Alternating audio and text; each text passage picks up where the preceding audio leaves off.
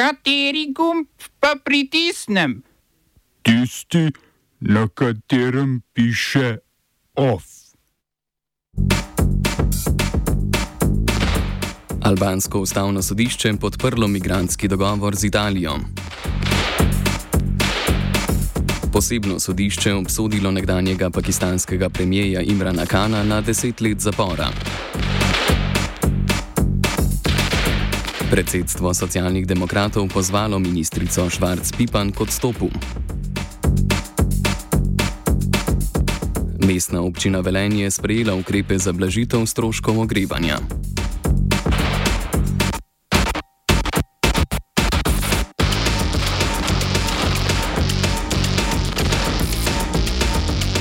Dobr dan, poslušate poročila na Radiu Student. Posebno sodišče v zaporu v Ravalpindiju je nekdanjega premijeja Imrana Kana obsodilo na deset let zapora za razkritje državnih skrivnosti. Sodišče, sestavljeno posebej za ta primer, je Kana obsodilo razkrivanje zaupnih komunikacij med zunanjim ministrstvom in nekdanjim pakistanskim veleposlanikom v Združenih državah Amerike Asadom Majinom Kanom. Vsebino depeše, ki jo je v Pakistan poslal veleposlanik, je razkril ameriški preiskovalni portal The Intercept. V njej je nekdani veleposlanik opisal sestanek, ki ga je imel marca 2022 s predstavniki ameriškega zunanjega ministrstva. Na sestanku je asistent ameriškega urada za južne in centralnoazijske zadeve Donald Lu veleposlanika opozoril na posledice kanove neutralnosti do Rusije. Lu je dejal, da bo Washington Pakistanu vse odpustil, če bodo v parlamentu premijeju uspešno izglasovali nezaupnico. V nasprotnem primeru je zagrozil, da bo prihodnje sodelovanje težavno. Mesec dni po sestanku so torej v pakistanskem parlamentu Kanu nezaupnico tudi izglasovali.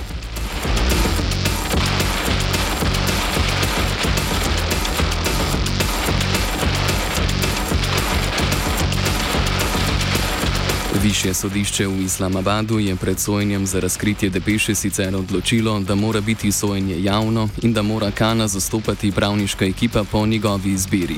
Toda posebni sodnik v zaporu je imenoval Kanovo obrambo po svoji izbiri in medijem prepovedal dostop do obravnave. Imran Khan je podpornike pozval naj ne protestirajo, saj da se bo nad sodbo pritožil na višjem sodišču v Islamabadu, sodbo pa je označil za dokaz o političnem preganjanju. Augusta lani so ga obsodili obsodili na triletno zaporno kazen, ker ni prijavil prihodkov od prodaje daril, ki jih je dobil od tujih državnikov, a ga je više sodišče v Islamabadu kasneje oprostilo. Poleg tega je Kanu volilna komisija prepovedala sodelovanje na splošnih volitvah, ki bodo konec naslednjega tedna. A je to vreden 20 let zapora? 20 let zapora.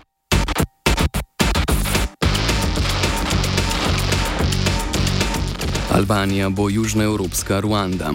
Albansko ustavno sodišče je presodilo, da je dogovor med albansko in italijansko vlado o premeščanju prosilcev za azil iz Italije v Albanijo skladen z ustavo.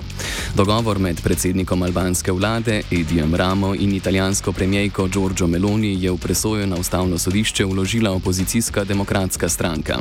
Dogovor predvideva, da bo Italija v pristaniškem mestu Šenžin in vasi Džadr na severu Albanije zgradila dva migrantska centra, kjer bodo italijanski policisti ter vojaki obravnavali azilne prošnje in sicer po italijanski zakonodaji.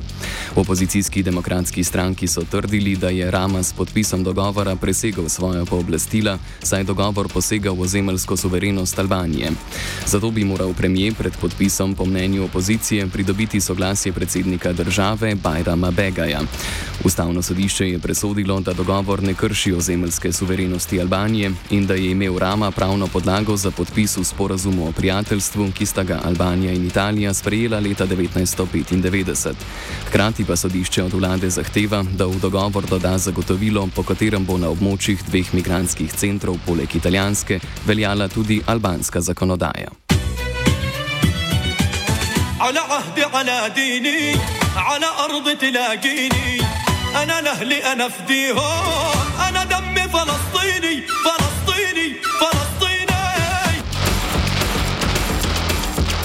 Medtem ko izraelske okupacijske sile nadaljujejo z obleganjem Nasreve bolnišnice v Han Yunisu na jugu Gaze, je jurišni oddelek izraelskih okupatorjev, zakrinkan v civilna oblačila, napadel bolnišnico Ibn Sina v Dženinu na severu Zahodnega brega. Če izraelski vojaki ponavadi bolnišnice obstreljujejo z varne razdalje, so tokrat, preoblečeni v pacijente in zdravniško osebje, v spanju ubili tri palestince, med katerimi je eden okreval po izraelskem bombnem napadu na dženinsko pokopališče sodišče konec oktobra lani. Okupatorjeva propaganda trdi, da so ubili tri člane palestinskega Hamasa. Vodstvo Hamasa je navedbo v primeru ene žrtve potrdila, druge dve pa sta po njihovih besedah sodelovali v drugih oboroženih odporniških skupinah. Leve, leve, leve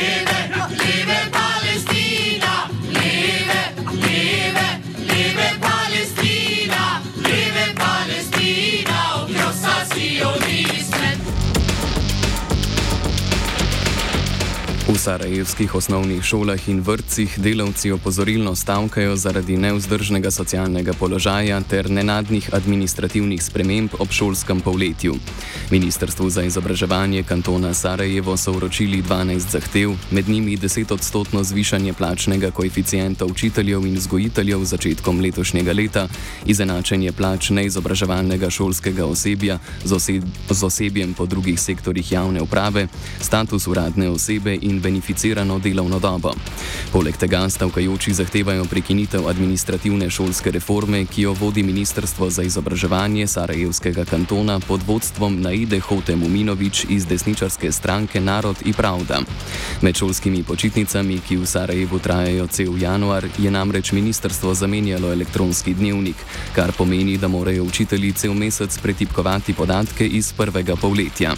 Sarajevski sindikalisti opozarjajo, da bodo, če njihov njihove zahteve ne bodo v celoti upoštevane, organizirali splošno šolsko stavko v kantonu, za kar imajo po lastnih trditvah 100-odstotno podporo članstva. Iz kantonalnega ministrstva odgovarjajo, da so pripravljeni zvišati koeficijente, a da od administrativnih reform ne odstopajo, v vsakem primeru pa bo vlada zahteve preučila na četrtkovi redni seji. Smo se osamosvojili, nismo se pa osvobodili. Število je še 500 projektov. Izpiljene modele, kako so se strani nekdanje LDS rotirali. Ko to dvoje zmešamo v pravilno zmes, dobimo zgodbo o uspehu. Takemu političnemu razvoju se reče udar. Jaz to vem, da je nezakonito, ampak kaj nam pa ostane? Brutalni obračun s politično korupcijo. To je Slovenija, tukaj je naša zemlja, to je Slovenija, Slovenija. Predsedstvo socialnih demokratov je ministrico za pravosodje in članico stranke Dominiko Švarc-Pipan pozvalo k odstopu. Predsednica stranke Tanja Fajon je pojasnila, da so sklep sprejeli zaradi ministričine objektivne odgovornosti pri nakupu nove sodne stavbe na Litijski cesti v Ljubljani. Sodno, ali bolje rečeno sporno stavbo, je v zelo slabem stanju ministrstvo kupilo od podjetnika Sebastiana Bežnavarja. Ta je zanemaren objekt na dražbi kupil leta 2019 za dober dober milijon in pol evrov, torej za 333 evrov na kvadratni meter. Na zadnji delovni dan lanskega decembra je pravosodno ministrstvo za podrtijo plačalo dobrih 7,5 milijonov evrov. Poziv k odstopu je predstavila predsednica stranke Tanja Fajon. Smo socialni demokrati pravkar na seji soglasno sprejeli sklep, da zaradi objektivne odgovornosti v zvezi z nakupom stavbe na Litijski cesti. Pozivamo ministrico dr. Dominiko Švarc-Pipan, da odstopi z položaja ministrice.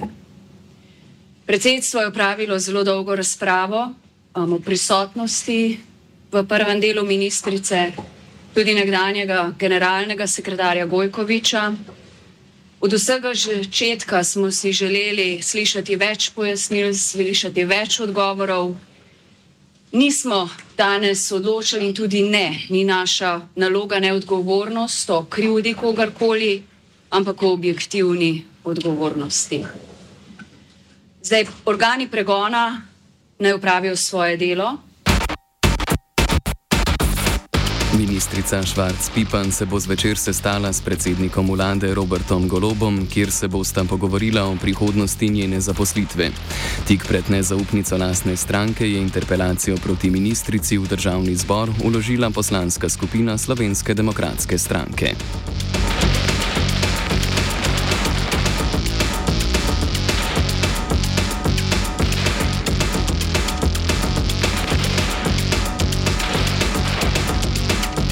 Potem, ko so preteklo sredo velenčanke in velenčani protestirali proti previsokim stroškom ogrevanja, je svet mestne občine Velenje sprejel ukrepe za omilitev socialne bede, ki jo poglabljajo stroški ogrevanja. Protestniki so sicer zahtevali preklic decembrskih položnic in začasno ustavitev izdaje novih, dokler se cene toplotne energije ne znižajo za polovico. Termoelektrarno Šoštan so pozvali k takojšnjemu znižanju cene toplotne energije na raven iz januarja leta 2020. 2022, od občine pa so zahtevali revizijo poslovanja komunalnega podjetja Velenje.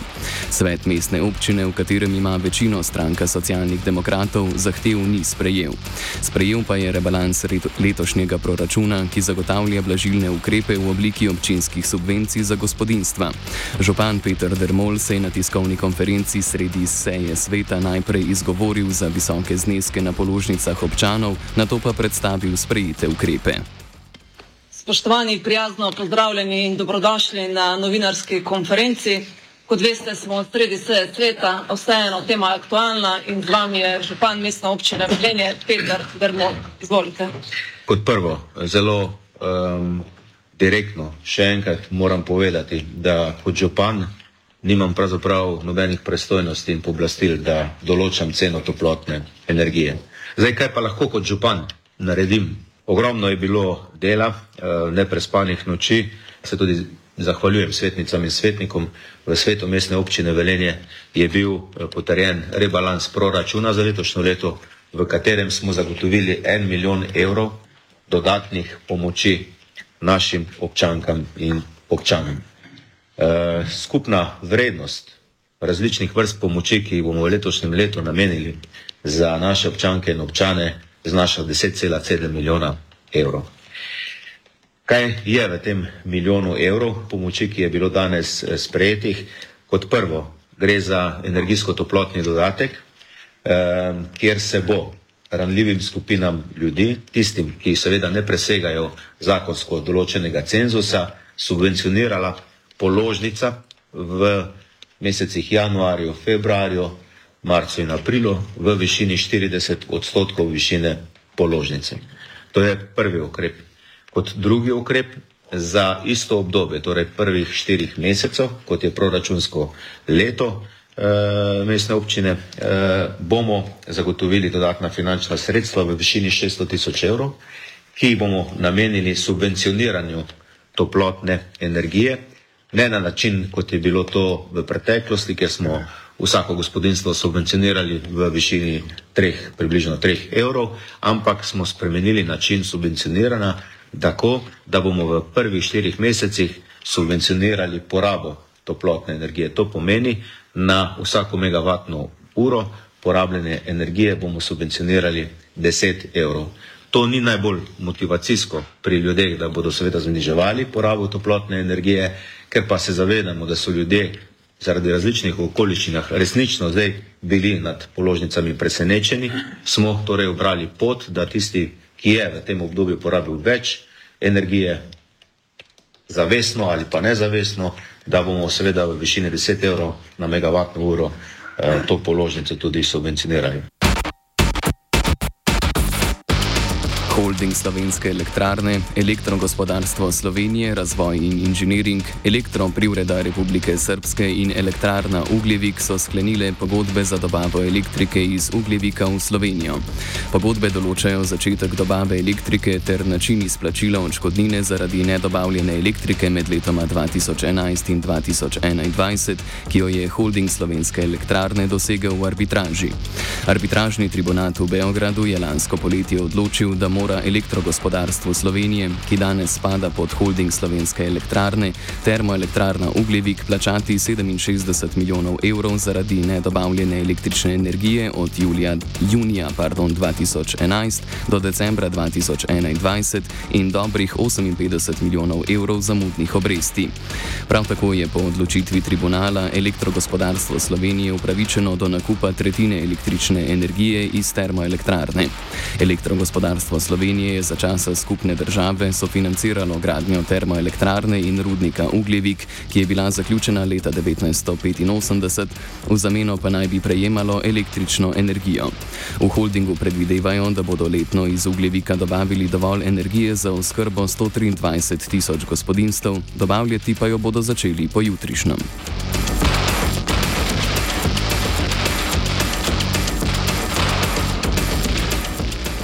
Je pripravil Virant.